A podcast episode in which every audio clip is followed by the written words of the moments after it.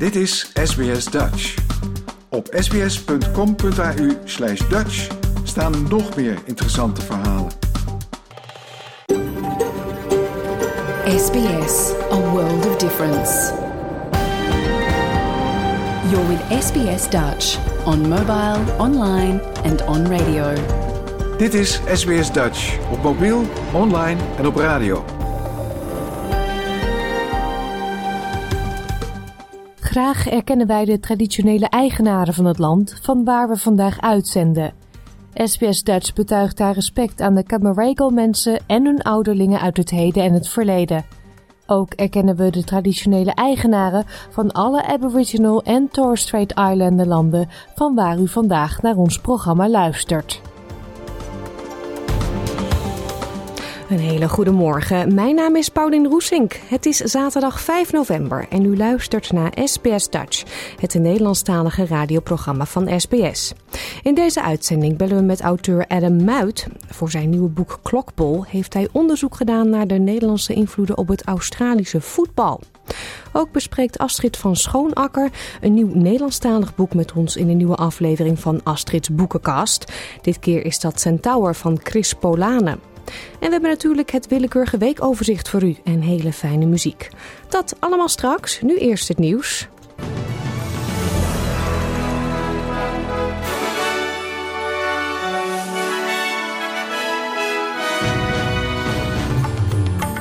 Dit zijn de headlines van het SBS Dutch News Bulletin van zaterdag 5 november. Defensiepersoneel in Forbes, New South Wales in afwachting van overstromingen. Voormalig premier van Pakistan spreekt zich uit na aanslag op zijn leven. En VS en de G7 zeggen meer hulp toe aan Oekraïne.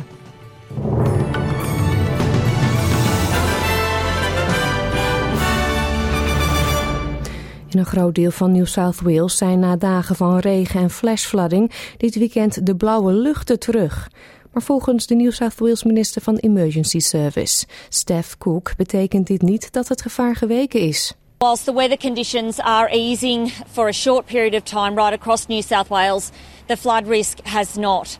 Uh, so even if you are in a community where you are not at risk of inundation for your own home, uh, you may very well become isolated with rising floodwaters uh, cutting roads uh, right across New South Wales at the present.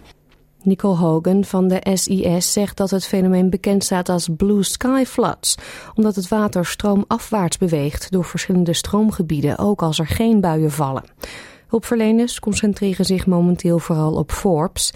Defensiepersoneel is uitgezonden naar Forbes en volgens New South Wales premier Dominic Perrottet worden nog eens 200 militairen ingezet op andere plekken in de staat om gemeenschappen te helpen die ook bedreigd worden door overstromingen. We expect these flood waters to continue to rise. Uh, they are a source of inspiration for people on the ground, but they're also providing uh, significant assistance.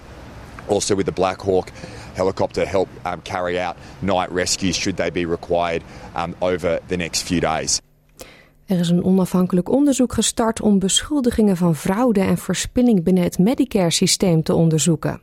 Het onderzoek wordt geleid door gezondheidseconoom en voormalig topambtenaar Pradeep Philip.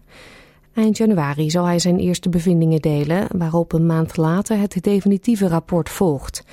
Het onderzoek is gestart na beschuldigingen van Dr. Margaret Foe, die zegt dat Medicare-fraude de belastingbetaler ongeveer 8 miljard dollar per jaar kost. Uit een nationale audit in 2020 kwam al naar voren dat non-compliance jaarlijks zo'n 366 miljoen tot 2,2 miljard dollar kost. Imran Khan eist dat de huidige premier van het land aftreedt vanwege de wat hij zelf een moordaanslag op zijn leven noemt. Oud-premier Khan werd tijdens een protestmars neergeschoten, maar verkeert in een stabiele toestand. Hij beschuldigt premier Shabazz Sharif, de minister van Binnenlandse Zaken en de legergeneraal van het spionagebureau Inter-Services Intelligence van het orchestreren van de schietpartij. Hij zegt dat een onderzoek naar de schietpartij bezoezeld is door hun betrokkenheid. So uh, these three guys, we want their resignation because there can be no investigation if the prime minister, the interior minister, and this uh, ISI guy Faisal, Major General Faisal, if these three are involved, there can be no independent investigation. Khan heeft geen bewijs geleverd voor zijn aantijgingen, die door de regering van Sharif zijn verworpen en door de minister van Informatie zijn afgedaan als leugens. De Verenigde Staten sturen Oekraïne voor 618 miljoen Australische dollar extra aan militaire hulp. Ook openen ze een hoofdkantoor voor veiligheidsbijstand in Duitsland, dat toezicht zal houden op alle wapenoverdrachten en militaire training voor Oekraïne. Dat heeft het Pentagon gisteren bekendgemaakt. Van de 618 miljoen dollar wordt onder meer extra luchtverdediging aangeschaft om Oekraïne te helpen zichzelf beter te verdedigen tegen escalerende Russische raket- en droneaanvallen. De Amerikaanse nationale veiligheidsadviseur Jake Sullivan zegt dat het Witte Huis Oekraïne zal blijven steunen. Uh, and I'm confident we'll be able to deliver what is necessary um, for that fight. And so uh, that's how we are approaching every aspect of this. We consult about how we can help support in the objective uh, that has been set forth. And then we do everything within our power to be able to deliver against that. In afgelopen week is er hevig gevochten rondom de plaatsen Bakhmut en Soledar in de Oost-Oekraïnse regio Donetsk. Dat zegt de Oekraïense president Volodymyr Zelensky.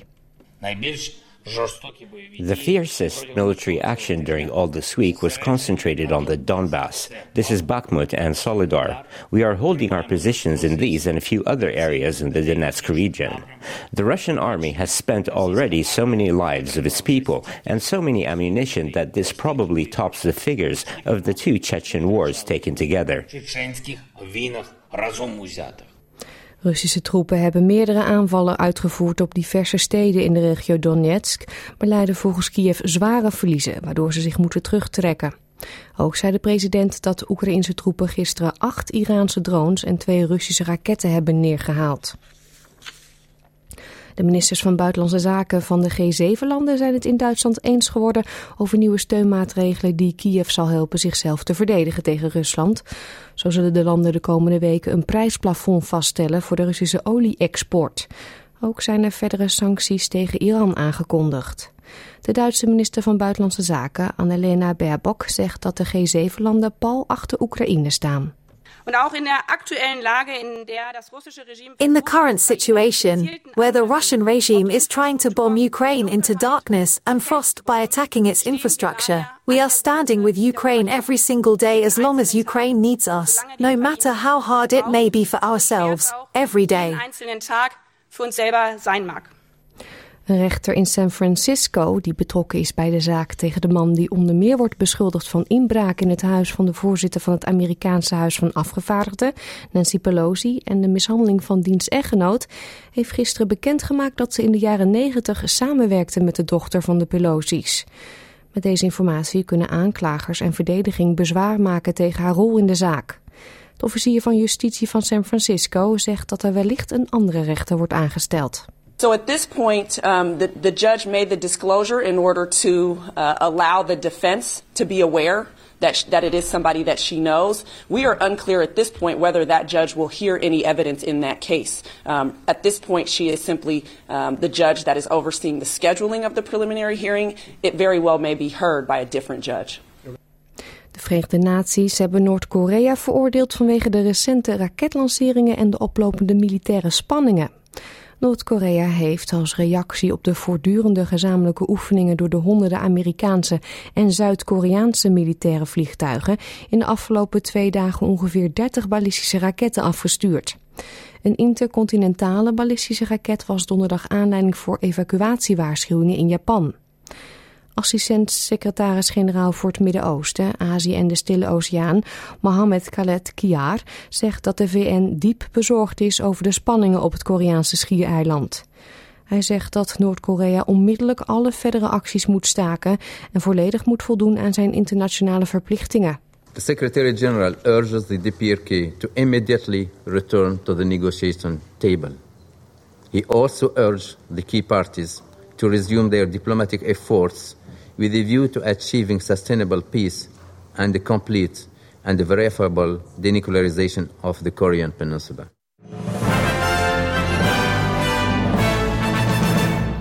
Zijn we aangekomen bij de weersverwachting voor vandaag. In Perth schijnt de zon en wordt het 27 graden. Adelaide daar gedeeltelijk bewolkt, 25. Melbourne ook bewolking, 22. Hobart gedeeltelijk bewolkt 18. Canberra bewolkt 20. Wollongong gedeeltelijk bewolkt 21. In Sydney is het overwegend zonnig bij 23 graden. Newcastle ook veel zonneschijn 24. Brisbane een paar buien 25. Cairns gedeeltelijk bewolkt 31. Darwin overwegend zonnig 36. En daarmee zijn we aan het einde van dit SBS Dutch nieuws.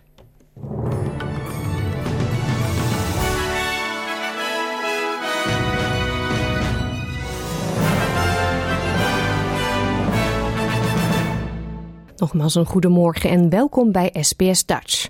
Straks een nieuwe aflevering van Astrid's Boekenkast met een fijne nieuwe boekentip van Astrid van Schoonakker. Maar eerst gaan we praten over voetbal. Dit is SBS Dutch. Toen Nederlandse migranten in de jaren 40, 50 en 60 in grote getalen naar Australië kwamen, hielden ze op allerlei manieren onderling contact. Er werden Nederlandse sociëteiten, dansgroepen, toneelclubs en sportverenigingen opgericht. Volkssport nummer 1 onder de Nederlanders was voetbal. Verspreid over het hele land werden tientallen voetbalclubs opgericht, waarvan een handjevol nog steeds bestaat. Wij belden met auteur Adam Muit, die zelf Nederlandse roots heeft, omdat zijn vader in 1951 vanuit Nederland naar Tasmanië kwam. Voor zijn nieuwe boek Klokball deed hij de afgelopen jaren onderzoek naar de invloeden van de Nederlandse migranten op het Australische voetbal. Jouw gemeenschap, jouw gesprek, SBS Dutch. Adam, can you tell me how important the early Dutch migrants are for the Australian soccer? Well, it's really interesting the history of Dutch involvement in soccer in Australia. Uh, certainly, we focus on the post war decades when the, the real influence of Dutch in Australian football takes off. But even before then, there was uh, Dutch involvement in the game. For example, the very first official games of football or soccer played in Western Australia were actually um, uh, on the initiative of a couple of Dutchmen, one in particular, a Willem Siebenair. He was a Dutch radical and uh, he was inspired to come to Australia because it was seen as the workers' paradise, and he was a socialist, and he wanted to see it firsthand. So he arrives in Perth in 1891, and within 12 months, he's kicked off a, a soccer club and a rugby club in in Perth, which plays for a season and then um, falls away. But then he, in 1896, is involved in the second attempt to get a competition going, and he was. Uh, alongside him was a gentleman called Ferdinand Dolma, whose father was actually the very first uh, socialist member of the Dutch Parliament in the 1880s, um, uh, Ferdinand Neuhausen. And so, you know, this connection between the Dutch and Australian soccer goes back, you know, over 130 years. And then from the 1890s, we find uh, the Netherlands East Indies naval fleets visit Australia, and every time they visit, they play soccer games against local teams. And then during World War II, uh, we find Netherlands East Indies having been occupied by the Japanese. Um, a lot of administrators, colonialists, and military personnel um, head for Australia. And uh, given soccer was was really popular in the Netherlands East Indies, it was almost inevitable that they'd also play in local competitions during the Second World War in Australia. So you find teams forming. In, in Melbourne in 1943, in Adelaide that year, also a Netherlands Navy team played in the Perth competition in 1944, and uh, in 1944 and 45, Sydney had a Dutch East Indies soccer club. So this connection goes goes right back, and Way then of back. course, after, yeah, after the war, you find the the um, flourishing of, of Dutch involvement in the game here.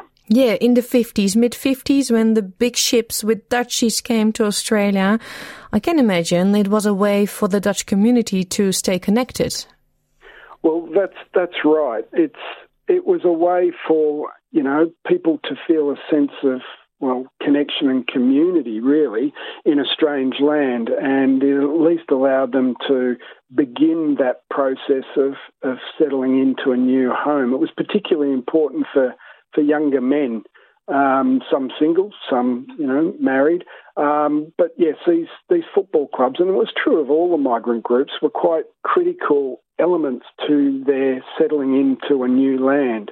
Um, in fact, there's a there's a quote that a gentleman called Adrian Harmsen, who ended up being the very first Dutchman to play for Australia, he um, made the point that being a uh, a new Australian, as he said, uh, being a new Australian in the 1950s, he said, looking back, one realises how lucky we new Australians were to have been able to join a soccer club and immediately get to know scores of people with similar interests, which makes settling into a new community so much easier.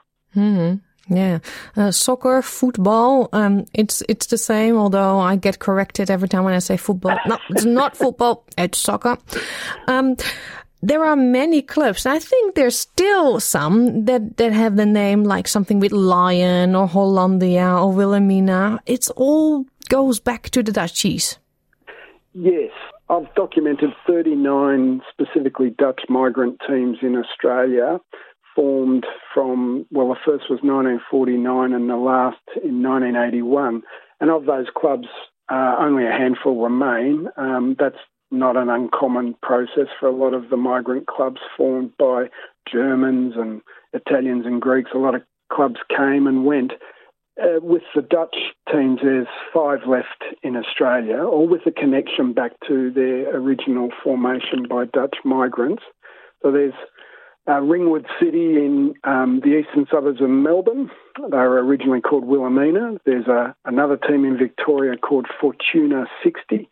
Uh, they were formed in 1960 and, and named after a, a Fortuna Vlaardingen near Rotterdam, and they're still going, playing in the, the World League. There's a team in Mount Gambier, originally formed as um, Soccer Club Holland, and they uh, now call the uh, Gambier Centrals Club. And then there's a team in Perth called the Morley Windmills, they were formed in 1950, so you know they've got quite a history, and they're still going successfully, uh, competing in the I think the second division of the Perth competition, and then the Queensland uh, situation is really interesting. We've got the Lions Football Club. They uh, were originally the Hollandia team formed in 1957 in the southwestern suburbs of Brisbane. And they were the team that ended up joining the National Soccer League when it formed in 1977. Uh, they were called the Brisbane Lions at that stage, mm. and later they actually uh, entered the team in Brisbane for the beginning of the A League. They've since relinquished ownership of that, but they they've got quite a storied history, having basically been in two national competitions uh, in their inaugural years. Yeah, I read at one stage there were around 50 Dutch related soccer clubs in Australia. Well, I've managed to identify 39 teams that were definitely set up as Dutch migrant teams by Dutch migrants as specifically Dutch teams. There's a couple of other teams that you could put an argument should be in that list too, but I couldn't find any evidence that they were seen as a Dutch migrant club, even though basically for their first few years, every player virtually was Dutch, same with officials. Um, and I, I've been conservative in, in putting clubs into that Dutch basket. But there were certainly at least another 20 clubs across the country that were influenced in one form or another quite significantly by Dutch migrants, whether it was a family of Dutchies who helped set up a district club or a number of Dutch players being involved in the early days of the club.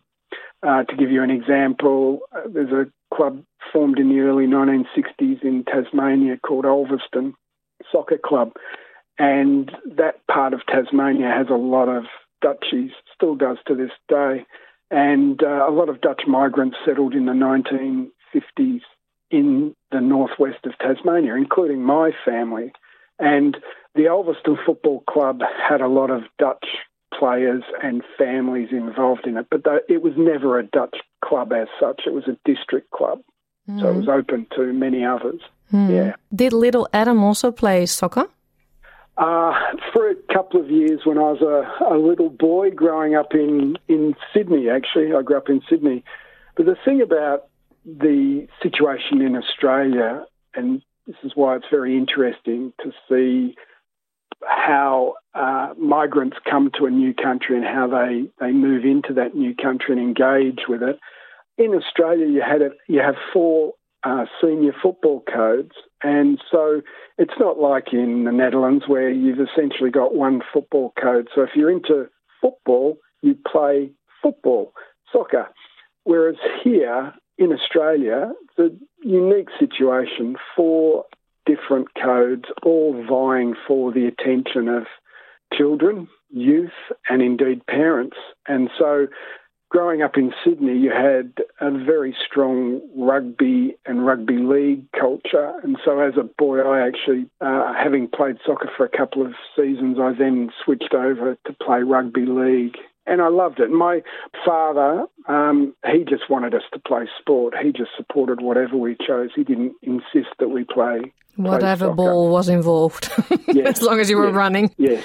Yeah. And so it, it is interesting. I've I've been documenting how many Dutch migrants played Australian rules and rugby league, and it's quite interesting. We've got players who played in premiership teams for you know um, Melbourne clubs and Adelaide clubs and Perth clubs, and these are Dutch born or their their uh, children who basically fell for their local code, you know, Australian rules or rugby league, and ended up that being their sport of choice. Yeah. Um, you did research into the whole uh, Dutch history, soccer, Australia, migrants, because you're writing a book about it, right?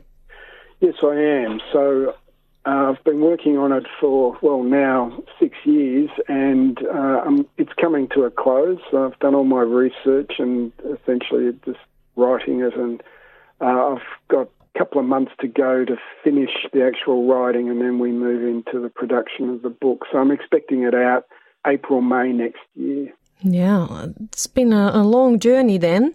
Uh, you called it Clockball? that's been the working title, and I'm going to stick with it. it it's appropriate in Australia. I, I know, you know, many Dutch people cringe at, you know, cliched instances of Dutchness like clogs and windmills and tulips, but the reality is uh, Australian soccer was dubbed wogball uh, here in the in the 60s, 70s, and uh, later, and uh, it was seen as this you know game played by by the migrants and wasn't wasn't seen as a, a serious sport. And so it's a play on that concept, uh, wog ball, and in fact it sums up you know Dutchness, uh, shorthand for Dutchness. Wow, it sounds great, and I'm very impressed um, with the Dutchies in the 50s. Great job they did. Thank you so much for explaining this, Adam. Thank you very much, Pauline. Bent u nu nieuwsgierig geworden naar de Nederlandse voetbalgeschiedenis in Australië? Adam heeft nog veel meer informatie en die deelt hij allemaal op zijn eigen Facebookgroep. Een link daarna staat op onze website www.sbs.com.au Dutch. Ja, over twee weken begint het WK voetbal in Qatar. Alle wedstrijden zijn te volgen bij SBS. Binnenkort daar meer over. Maar om vast in de stemming te komen, in de oranje sfeer, draaien we nu André Hazes met Wij houden van oranje. Bent u een vaste luisteraar van SBS Dutch, dan kent u onze maandelijkse rubriek Astrid's Boekenkast. Het lezen van Nederlandstalige boeken is een goede manier om de Nederlandse taal te onderhouden. En daarom geeft Astrid van Schoonakker ook vandaag weer een fijne boekentip. SBS Dutch, woensdag en zaterdag om 11 uur ochtends of online op elk gewenst tijdstip.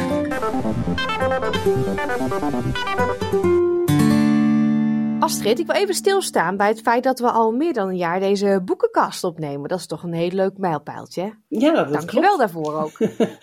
Ja, dat is alweer de twaalf afleveringen gedaan, hè? dus dat is eh, zeker een mooie mijlpaal. Ja, twaalf mooie boeken. Nou ja, dat denk ik ook. Eh, maar we gaan nog niet stoppen, toch? Nee, nee, nee, nee, want eh, er komen nog steeds meer mooie boeken bij. Ja, en welke heb je dan voor deze maand uitgekozen? Nou, voor deze maand heb ik een boek uitgekozen waar ik bij op de bank of in bad, want dat zijn eigenlijk de plekken waar ik het meeste lees, uh, op reis kan. Dus dat je niet de deur uit hoeft met dit vervelende regenachtige weer in Nederland. Maar dat het boekje eigenlijk meeneemt naar een ander land. En bij dit boek oh, is dat. Wacht, voordat je het onthult tips voor alle mensen die het bad willen lezen? Want dat kan toch helemaal niet, Astrid? Het boek wordt toch nat? Nee, als je dat heel vaak hebt geoefend, dan uh, wordt dat niet nat. Je moet twee handdoeken in de buurt, zodat uh, je altijd even je handen droog kan maken als dat nodig is. En uh, het boek altijd zorgen dat het boven water blijft. Eh, dus als het een heel saai boek is en je valt in slaap, ja, dat is een risico. maar dat is met dit boek niet gebeurd, gelukkig. Ah, oké, oké. Nou ja, dan laat ik je nu onthullen welk boek het ja, is. nou ja, al zittend in bad lezend uh, werd ik meegenomen naar Suriname. En uh, nou, dat is prachtig land waar ik ook, uh, ook gewerkt heb. Dus dat vond ik ook heel erg leuk, omdat ik natuurlijk dan daar dingen in herkende. Het boek is geschreven door Chris Polane. En Chris Polane is zelf geboren en getogen in Suriname. Kwam op zijn twintigste naar Nederland om uh, daar te studeren. En is sindsdien wel eens terug geweest en wel weer terug in Nederland. Uh, maar nu is hij al heel lang, heeft hij zich gevestigd in de Bijlmer in Amsterdam, waar hij dierenarts is. En hij is eigenlijk gaan schrijven omdat ja, hij had eigenlijk heel, heel erg veel heimwee naar Suriname. Maar hij is met eerste vrouw in Nederland getrouwd en ja, kwam dus eigenlijk daar min of meer vast te zitten in uh, Nederland. En dat hielp hem, hoorde ik laatst in het programma Kunststof waar hij te gast was. En uh, hij is daarom dus ook eerst verhalen gaan schrijven. En uh, in 2017 debuteerde hij met een roman Waterjager. En het boek dat ik vandaag wil bespreken, dat is vorig jaar verschenen, dus een jaar geleden. En dat boek heet dus Centaur. En het verhaal in dat boek gaat over ook een 20-jarige jongen. En uh, die heet Guillaume, maar die wordt in het boek uh, wordt die Gilly genoemd. En die jongen die studeert aan de Anton de Kom Universiteit uh, dierengeneeskunde in Suriname. Maar omdat ja, in Suriname het zo instabiel is, worden er al heel lang geen colleges gegeven. Dus het enige wat hij doet voor zijn studie is dat hij bij een laboratorium-experiment met fruitvliegjes betrokken is. Maar ja, daar hoeft hij niet zo heel veel mee te doen. Dus daarna werkt hij ook op een uh, manege. Daar geeft hij paardrijles. En bereidt hij zelf Norbert. En uh, Norbert is een heel speciaal paard. Komt uit Nederland. Een vrij groot paard uh, in vergelijking met de andere paarden in Suriname. En de eigenaar van dat paard, dat is ook de eigenaar van de manege en ook een dierenarts, dat is Roy. En Roy is eigenlijk heel belangrijk in zijn leven, want Gilly woont alleen met zijn moeder. Want zijn moeder heeft uh, psychologie gestudeerd maar in Nederland, maar is ook weer teruggekomen naar Suriname. Ik kwam daar toen Pieter tegen, dat is de biologische vader van Guillaume. Maar ja, Pieter is nogal een levensgenieter en uh, ook een vooraanstaand politicus uh, in Suriname. En ja, die relatie tussen zijn biologische vader Pieter en de moeder heeft niet lang stand gehouden. Dus Guillaume wordt door zijn moeder opgevoed. Waardoor hij ook wel ja, behoefte heeft aan een vaderfiguur. En dat is Roy ook uh, zeker voor hem. Nou ja, op die manege werkt eigenlijk uh, Guillaume toe naar een springwedstrijd. Daar gaat hij aan deelnemen met Norbert. En voor hem hangt er heel veel van die wedstrijd af. Want hij heeft dus het plan opgevat dat als hij dat, die wedstrijd wint, dan kan hij met dat prijzengeld naar Nederland. Dan kan hij daar bij familie gaan wonen en kan hij daar diergeneeskunde gaan studeren. Want dat schiet in Paramaribo dus niet zo op. Nou, dat is eigenlijk heel mooi, want dat, die wedstrijd, dat is het ding in het boek. En uh, er wordt ook letterlijk afgeteld in de hoofdstukken. zoveel dagen voor de wedstrijd. En het volgende hoofdstuk uh, is dan weer een dag later. En uh, nou ja, je ziet dan Guillaume volg je in die voorbereiding naar de wedstrijd toe. En nou ja, als hij zich natuurlijk helemaal had kunnen focussen, dan had dat natuurlijk uh, de meest ideale voorbereiding geweest. Maar er gebeurt nogal wat in zijn leven, in die periode voor die wedstrijd. Zo komt hij ook een uh, jongen tegen, um, en die is vijf jaar ouder dan hij is. En die heet Hugo, en die heeft een hele korte, maar wel succesvolle zwemcarrière gehad in de Verenigde Staten, waar hij heeft getraind. Maar door ja, allerlei omstandigheden liep dat uh, verder niet zo goed af. En die is teruggekomen naar Suriname. En ja, die is als een soort grote broer voor hem en die neemt hem ook mee. Want nou ja, Guillaume is uh, niet, net als Hugo, zo goed thuis om vrouwen te versieren. En dat wil hij als 20-jarige jongen natuurlijk wel heel graag. Dus hij krijgt ook heel veel tips van deze Hugo. En die Hugo is uh, dan eigenlijk heel belangrijk voor hem, omdat hij nogal worstelt in zijn leven als 20-jarige late adolescent. En daar wil ik ook een stukje over voorlezen. Oké. Paardrijden is het enige wat ik echt goed kan. Het vermogen om te voelen wat een paard voelt. Dat maakt me een veel betere ruiter dan ik eigenlijk ben. Pas de laatste jaren kan ik de woorden vinden voor die gevoelens. Het is al moeilijk genoeg om te weten wat je zelf voelt. Welke jongen van mijn leeftijd weet dat? We praten over meisjes met wie we seks willen hebben, over meisjes met wie we seks hebben gehad, maar zoveel daarvan is opschepperij en gelogen dat we elkaar niet geloven. Over jongens die we bewonderen of die we in elkaar willen slaan. Over drank, sigaretten, joints en verboden pillen.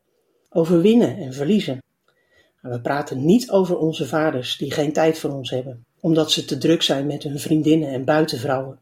We vertellen niet dat we bang zijn om niet sterk, niet slim, niet mooi genoeg en waardeloos in bed te zijn ons hele leven te moeten werken voor geld, in een krot te moeten wonen, nooit een behoorlijke auto te zullen bezitten, met de verkeerde vrouw te trouwen, stomme kinderen te krijgen en te zullen sterven zonder ooit iets bijzonders gepresteerd te hebben.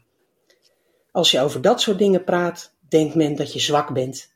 En een Surinaamse man mag alles zijn: agressief, lui, verwaand, oversext, verslaafd aan alles en van nog wat, hebzuchtig en vraatzuchtig, zolang hij maar niet zwak is.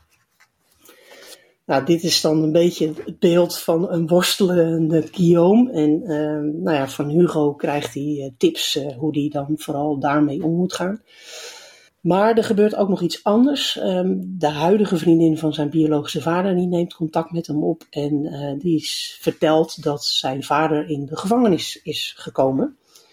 En uh, er wordt in het boek dan verwezen naar dat hij gevangen is gezet door de baas. En uh, nou ja, dat, er is vast een reden, maar Daisy Boutersen, waar dan daar verwezen wordt, wordt met naam en toenaam niet genoemd in het boek. Maar ja, je kan wel op je vingers nageven dat het wel over hem gaat. Ja. En nou ja, die vader is natuurlijk ook een oppositieleider. En ja, het zal zo kunnen zijn natuurlijk dat hij te invloedrijk is. En dat vindt de baas natuurlijk niet goed nou ja, die vriendin vraagt of hij dan toch naar de gevangenis wil, om, want zijn vader wil hem zo graag zien en met hem praten. Dat doet hij. Uh, dat verbaasde mij best in het boek, want nou ja, hij heeft daarvoor niet zulke hele vriendelijke dingen over zijn vader gezegd. Ja. Uh, maar dat komt vast voort omdat hij hem natuurlijk hè, als vader heeft gemist. En uh, nou, dat is eigenlijk heel mooi in het boek, omdat het dan. Hij gaat dan naar de gevangenis, wel een paar keer. En daar komen best wel hele mooie gesprekken tot stand uh, met zijn vader. Dus dat wordt ook een beetje tegenover gezet van wat, het advies dat hij van Hugo krijgt en het advies wat hij van zijn vader ook krijgt. Dus dat lijkt allemaal de goede kant op te gaan. Maar als de wedstrijd dan wat dichterbij komt, uh, dan allereerst uh, overlijdt Hugo. Die uh, blijkt kanker te hebben en vrij snel overlijdt hij ook. En zijn vader wordt zwaar mishandeld in de gevangenis. Um, en die komt dan ook in het hospitaal terecht. En tot overmaat van ramp leert hij ook nog een Nederlands meisje kennen, een stagiair vanuit Nederland, die daar haar laatste dag is, waar hij echt tot over zijn oren verliefd op wordt. En dat komt eigenlijk omdat ze de laatste avond dat ze daar is, dat meisje heet Maaike, hebben ze een hele mooie, bijzondere ervaring met elkaar, s'nachts, midden in de nacht, op de manege. Dat stukje dat, uh, wil ik ook uh, graag uh, voorlezen. Ja. En dat stukje dat begint bij Maaike, dus dat is de Nederlandse stagiair die de volgende dag naar huis moet. Toen ik reed, kwam mijn verdriet los, zegt ze. Het heeft al die tijd opgekropt gezeten, als een steen in mijn borst. Maar op het moment dat ik op Norbert zat, ging het stromen. Verdriet om mijn ex, verdriet omdat ik terug moet naar Nederland, verdriet omdat ik hier zo ongelukkig ben geweest. En weet je, het stroomde weg, via Norbert. Dat klinkt gek, hè? Nee, als ik op Norbert rij, voel ik dingen die hij voelt en denkt. Echt waar? Ja. Ik denk aan Hugo's woorden. Gilly, zoals vaker heb je goud in handen, maar je weet het zelf niet. Vrouwen houden van paarden en van spiritualiteit, wat dat dan ook precies mag zijn. En ze houden van gevoelige mannen. Jij bent alles in één, de jackpot. Doe niet zo geheimzinnig. Vertel ze al die gekke shit die je mij niet vertelt, omdat je weet dat ik je dan keihard ga uitlachen. Vertel het ze. Je hebt niets te verliezen en heel veel te winnen. Vooruit dan maar, ik doe het. Nadat jij Norbert een zoen op zijn neus gaf, raakte ik hem aan en ik voelde jou, jouw pijn. Ik voel het nu nog steeds. Ze kijkt me met grote ogen aan. Weet je wat het ergste is hier, Jilly? De ogen van mannen. Altijd en overal. Hoe ze kijken naar mijn borsten, mijn billen, mijn benen. Jongens, vaders met kinderen, politieagenten, artsen. Altijd die lust. Ben je beneden ook zo blond? Weet je hoe vaak ik dat heb gehoord, Jilly? Ik werd er ziek van, ziek van die geilheid. Terwijl ik zo graag van dit land zou willen houden. En van de mensen. Kan je het begrijpen, Jilly? Ik had niet gedacht dat ik dit ooit nog aan een Surinaamse man zou vertellen. Zeker niet op de laatste avond. Oh shit, haar woorden activeerden de pijn. Die zakt naar beneden en laat mijn maag samentrekken. Ik krimp ineen. Maaike kijkt bezorgd. Maar jij hoeft je niet schuldig te voelen hoor, Julie. Ik zag direct dat jij anders was. Nou, Maaike is dus ook verliefd op Jilly, maar zijn grootste rivaal in de wedstrijd, dat is uh, een dame die komt uit Frans-Guyana, het buurland van uh, Suriname. Louise heet zij. En nou ja, het zal een beetje in de wedstrijd tussen haar en Jilly gaan die vond hij dat jaar ervoor in de wedstrijd ook al heel leuk. En die blijkt nu ook wel iets te voelen voor Jilly. dus daar waar Jilly nog Keuze is reuze. de aandacht van vrouwen kon krijgen, heeft hij nu ineens de aandacht van twee vrouwen, waar hij zich dan ook wel weer een beetje schuldig over voelt. En tot overmaat van ramp komt ook nog eens een zoon, een jonge hengst, de zoon van Norbert, die komt ineens boven water en die gaat ook meedoen aan de wedstrijd. Dus ja, dan wordt de, competitie nog, uh, de concurrentie is dan nog groter. En ja, dat maakt dus dat het echt heel spannend is. Tenminste, ik zat als lezer echt naar die, die wedstrijd toe. Te lezen van, oh jee, wie gaat er winnen? En hangt, want zijn toekomst hangt eraan vast. Hè? Want gaat hij winnen, dan kan hij naar Nederland en uh, dierenarts worden. Ja, en dat vond ik eigenlijk heel mooi in, uh, in dit verhaal. Dus je wordt in die spanning meegenomen. Maar je krijgt ook zeker een heel mooi inkijkje in de, de Surinaamse cultuur. En dan met name de plek van de mannen daarin. Mm. Wat ook nog, nou ja, wordt gezegd dat dat een erfenis is vanuit uh, de slaaf, het slavernijverleden. Maar ook dat mystieke, dat is eigenlijk dat gevoelige weer tegen dat, over dat ongevoelige wat bij die mannen speelt. En dat dat, nou ja, dat contact met de paarden, zonder dat dat zweverig wordt, wordt dat eigenlijk heel mooi uh, beschreven door uh, Chris Polane in dit boek. En ik denk dat niet alleen paardenliefhebbers daarop uh, aan zullen slaan, want dat wordt echt ook heel mooi beschreven. Ja, en dat maakt uh, voor mij dat dit, eh, dit boek zeker een, een dikke aanrader is om te lezen. Hmm, en je krijgt dus wat mee van de politiek, ook al worden er geen namen genoemd. Dat is natuurlijk Klopt, ook een belangrijk ja, ja. onderdeel van Suriname. Ja, ja, en zeker ook ja, wat daar nu nog steeds helaas ook aan de hand is in Suriname. En ja, ik hoop ook echt, hè, er is natuurlijk een nieuwe president gekomen die nu zo'n twee jaar aan de macht is, Santokki. En ja, die kan natuurlijk niet in een hele korte tijd uh, de ellendige situatie waarin Bouters het land heeft achtergelaten zomaar oplossen. Dus het lijkt er een beetje op dat de Surinamers zelf het geduld al een beetje verliezen en, en ook niet meer zo heel blij zijn met Santokki. Maar ja, ik hoop ook echt dat hij het land uh, wat kan helpen. Want op dit moment is de armoede en de ongelijkheid zo groot dat je, nou ja, dat, dat gun je geen enkel land of volk. En dat is eigenlijk heel schrijnend. Mm, ja. Um, Chris Polane, de auteur, die is zelf dierenarts. Gaat het echt over hem? Ja, ik denk dat er wel heel, toch wel heel sterk autobiografische elementen in zitten. Want um, hij kwam ook als twintigjarige jongen naar Nederland is dierengeneeskunde gaan studeren. En nou, dat staat ook centraal uh, als toekomstdroom uh, van Gilly.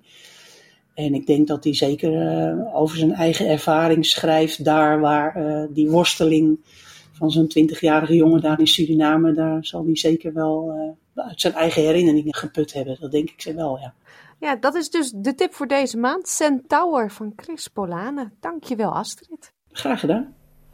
Alle boekentips van Astrid zijn terug te luisteren op onze website www.sbs.com.au Dutch. Ga bovenin naar luister en klik op Astrid's boekenkast. En dan is het nu tijd voor een overzicht van enkele belangrijke, bijzondere en spraakmakende nieuwsberichten uit Nederland van de afgelopen week met dank aan de NOS en de regionale omroepen. Met dit keer onder meer Raad van State verwijst bouwvrijstelling naar de prullenbak. Slimme bril helpt blinde golfer. En rechtszaak over moord op Peter R. de Vries moet opnieuw.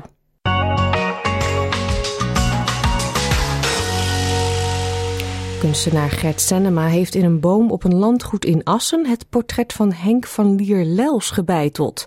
De man overleed drie jaar geleden op 90-jarige leeftijd en was de laatste eigenaar van landgoed Oversingel. Zo'n zo'n bast, zo'n zo'n schors, dat is het meest vitale deel van een boom. Ik haal daar nu een stuk uit en dan kom ik op het spinthout. En dan zie je als het ware ja, een inkijkje in de ingewanden van de boom. Ja, is fantastisch. Ja, heel gezond, heel, heel mooi. En doordat het nu uh, oktober is, dus die sapstroom die is mooi gestopt, dus hij bloedt niet. En er komen geen uh, tranen uit uh, het hout. Dus uh, het is heel mooi rustig. En ja, we doen het heel goed met z'n tweeën. Jemmo Tappel van het Drentse Landschap liet aan RTV Drenthe weten dat op het landgoed heel veel historische en waardevolle bomen staan, maar dat het kunstwerk is gemaakt in een hele mooie gewone oude boom. Een zware tegenvaller voor de Nederlandse overheid. De Raad van State heeft namelijk een streep gezet door de zogenaamde bouwvrijstelling. Een regeling waarbij alleen de permanente stikstofneerslag na oplevering van een project, zoals bijvoorbeeld verkeer dat over een weg rijdt of de schadelijke uitstoot van koeien in een stal, meetelt. Het college oordeelde deze week dat de stikstof die tijdens de bouw van projecten vrijkomt niet buiten beschouwing kan worden gelaten. De procedure was aangespannen door de organisatie Mobilization for the Environment, die zich inzet voor het behoud van biodiversiteit. Je hoort een stukje van de uitspraak van de bestuursrechter. Nederland is een rechtsstaat. Een rechtsstaat waarin ook overheden zich moeten houden aan de wet, aan het internationale recht en het Europese recht. En van dat Europese recht maakt onderdeel uit het Europees natuurbeschermingsrecht uit de Habitatrichtlijn. De afdeling bestuursrechtspraak is van oordeel dat de bouwvrijstelling, zoals die is geregeld en onderbouwd in de wet natuurbescherming, in strijd is met dat Europese natuurbeschermingsrecht. En dat oordeel is gebaseerd op de rechtspraak van het Europese Hof van Justitie in Luxemburg. Dat hof heeft eerder bepaald dat alleen toestemming voor een project mag worden gegeven als zeker is dat in geen enkel beschermd natuurgebied zogenaamde Natura 2000 gebieden, daardoor schade zal optreden. En die zekerheid geeft die algemene wettelijke bouwvrijstelling niet. De bouwvrijstelling werd vorig jaar juli ingevoerd om de sector weer op gang te helpen, nadat drie jaar geleden die bijna geheel stil kwam te liggen naar een eerdere rechterlijke uitspraak. Zover komt het nu niet. Deze uitspraak heeft geen gevolgen voor projecten waarvan de vergunning al definitief is verleend. Vergunningen waartegen nog bezwaar kan worden gemaakt zitten volgens de Raad van State in de gevarenzone. En nieuwe projecten waarvoor nog een vergunning moet worden afgegeven, moeten door berekeningen laten zien dat de uitstoot binnen de regels is.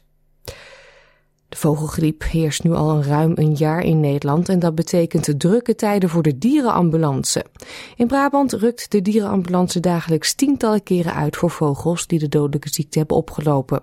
U hoort vrijwilliger Ingrid Dekker en Rens van Lieshout van Dierenambulance Brabant Noordoost. Ja jongen, je gaat met ons mee. Ik heb het nog nooit zo druk gezien. Nee, wat doet dat met u?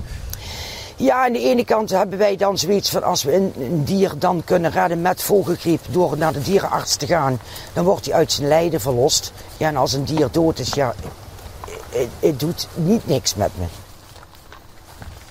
Je merkt wel dat het vaak wat drukker wordt tegen het griepseizoen.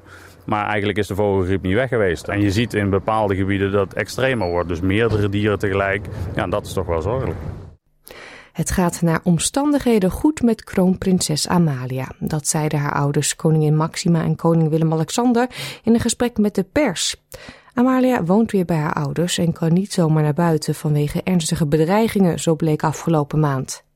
Ja, het gaat wel goed. Uh, natuurlijk nog steeds echt uh, heel frustrerend en uh, niet, niet eenvoudig. maar ze houdt zich moedig en wij zijn heel trots op haar. En wij hopen wel echt ja, even te kijken wat is, wat, hoe zich ontwikkelt om te zien wat moeten we lange termijn doen. Maar, maar ze heeft ja. de eerste tentamenronde gehad en die is goed gegaan.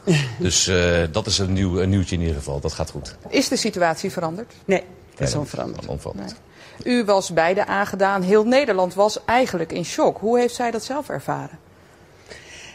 Ik denk dat uiteindelijk, ze vond het wel fijn dat men wist wat haar situatie was. Dat ze wel kon uitleggen aan mensen waarom ze niet naar een kroeg kon gaan of uh, in, Amsterdam, wonen. Überhaupt gewoon normale dingen kunnen doen.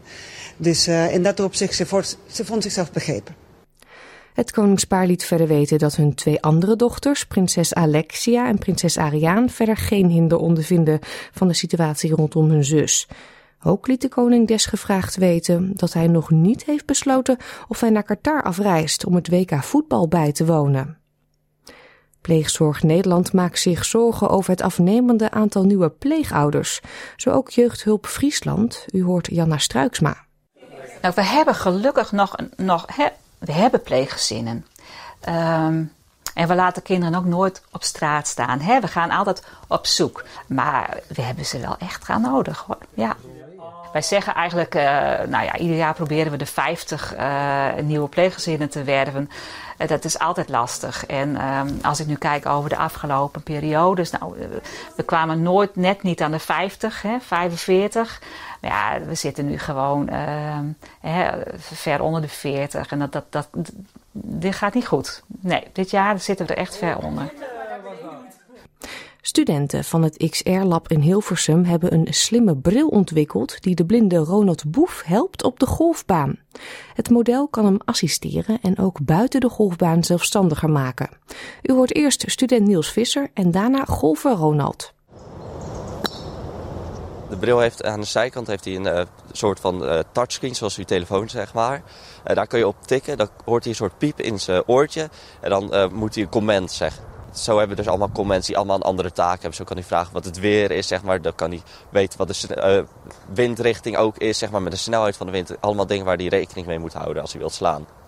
Koers van de gooier.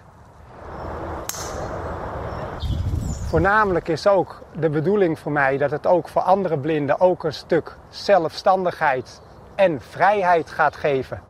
Het leek er al op, maar het is nu zeker. De rechtszaak tegen de twee verdachte uitvoerders van de moord op misdaadjournalist Peter R. de Vries moet opnieuw worden behandeld. Het gaat om het proces tegen de vermoedelijke schutter Delano G. en zijn chauffeur Camille E. Paul Waard van de rechtbank Amsterdam legt uit waarom tot deze beslissing gekomen is. Ja, er zijn nieuwe stukken in het dossier gekomen. Dat was voor de rechtbank al een reden om de zaak, eh, zoals we dat noemen, aan te houden en weer nieuw onderzoek te laten verrichten. En toen bleek ook dat een van de rechters die oorspronkelijk in de combinatie zat, uh, in naar het buitenland is verhuisd. En dus er niet meer bij betrokken kon zijn.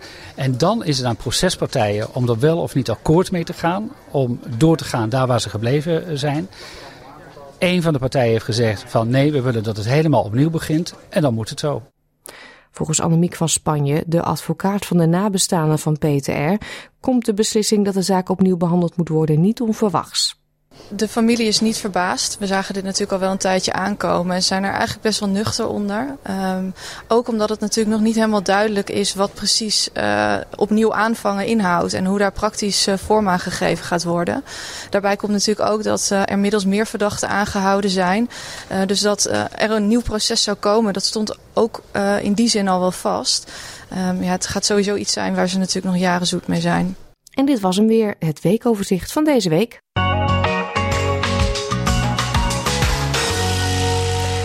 Ja, hiermee komen we aan het einde van deze uitzending van SBS Dutch. Wilt u onze verhalen nog een keer beluisteren? Ga dan naar onze website www.sbs.com.au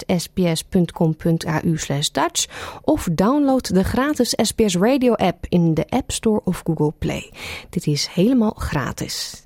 We sluiten vandaag af met muziek van Wim Sonneveld. Dit is Annemarie. Graag tot woensdag.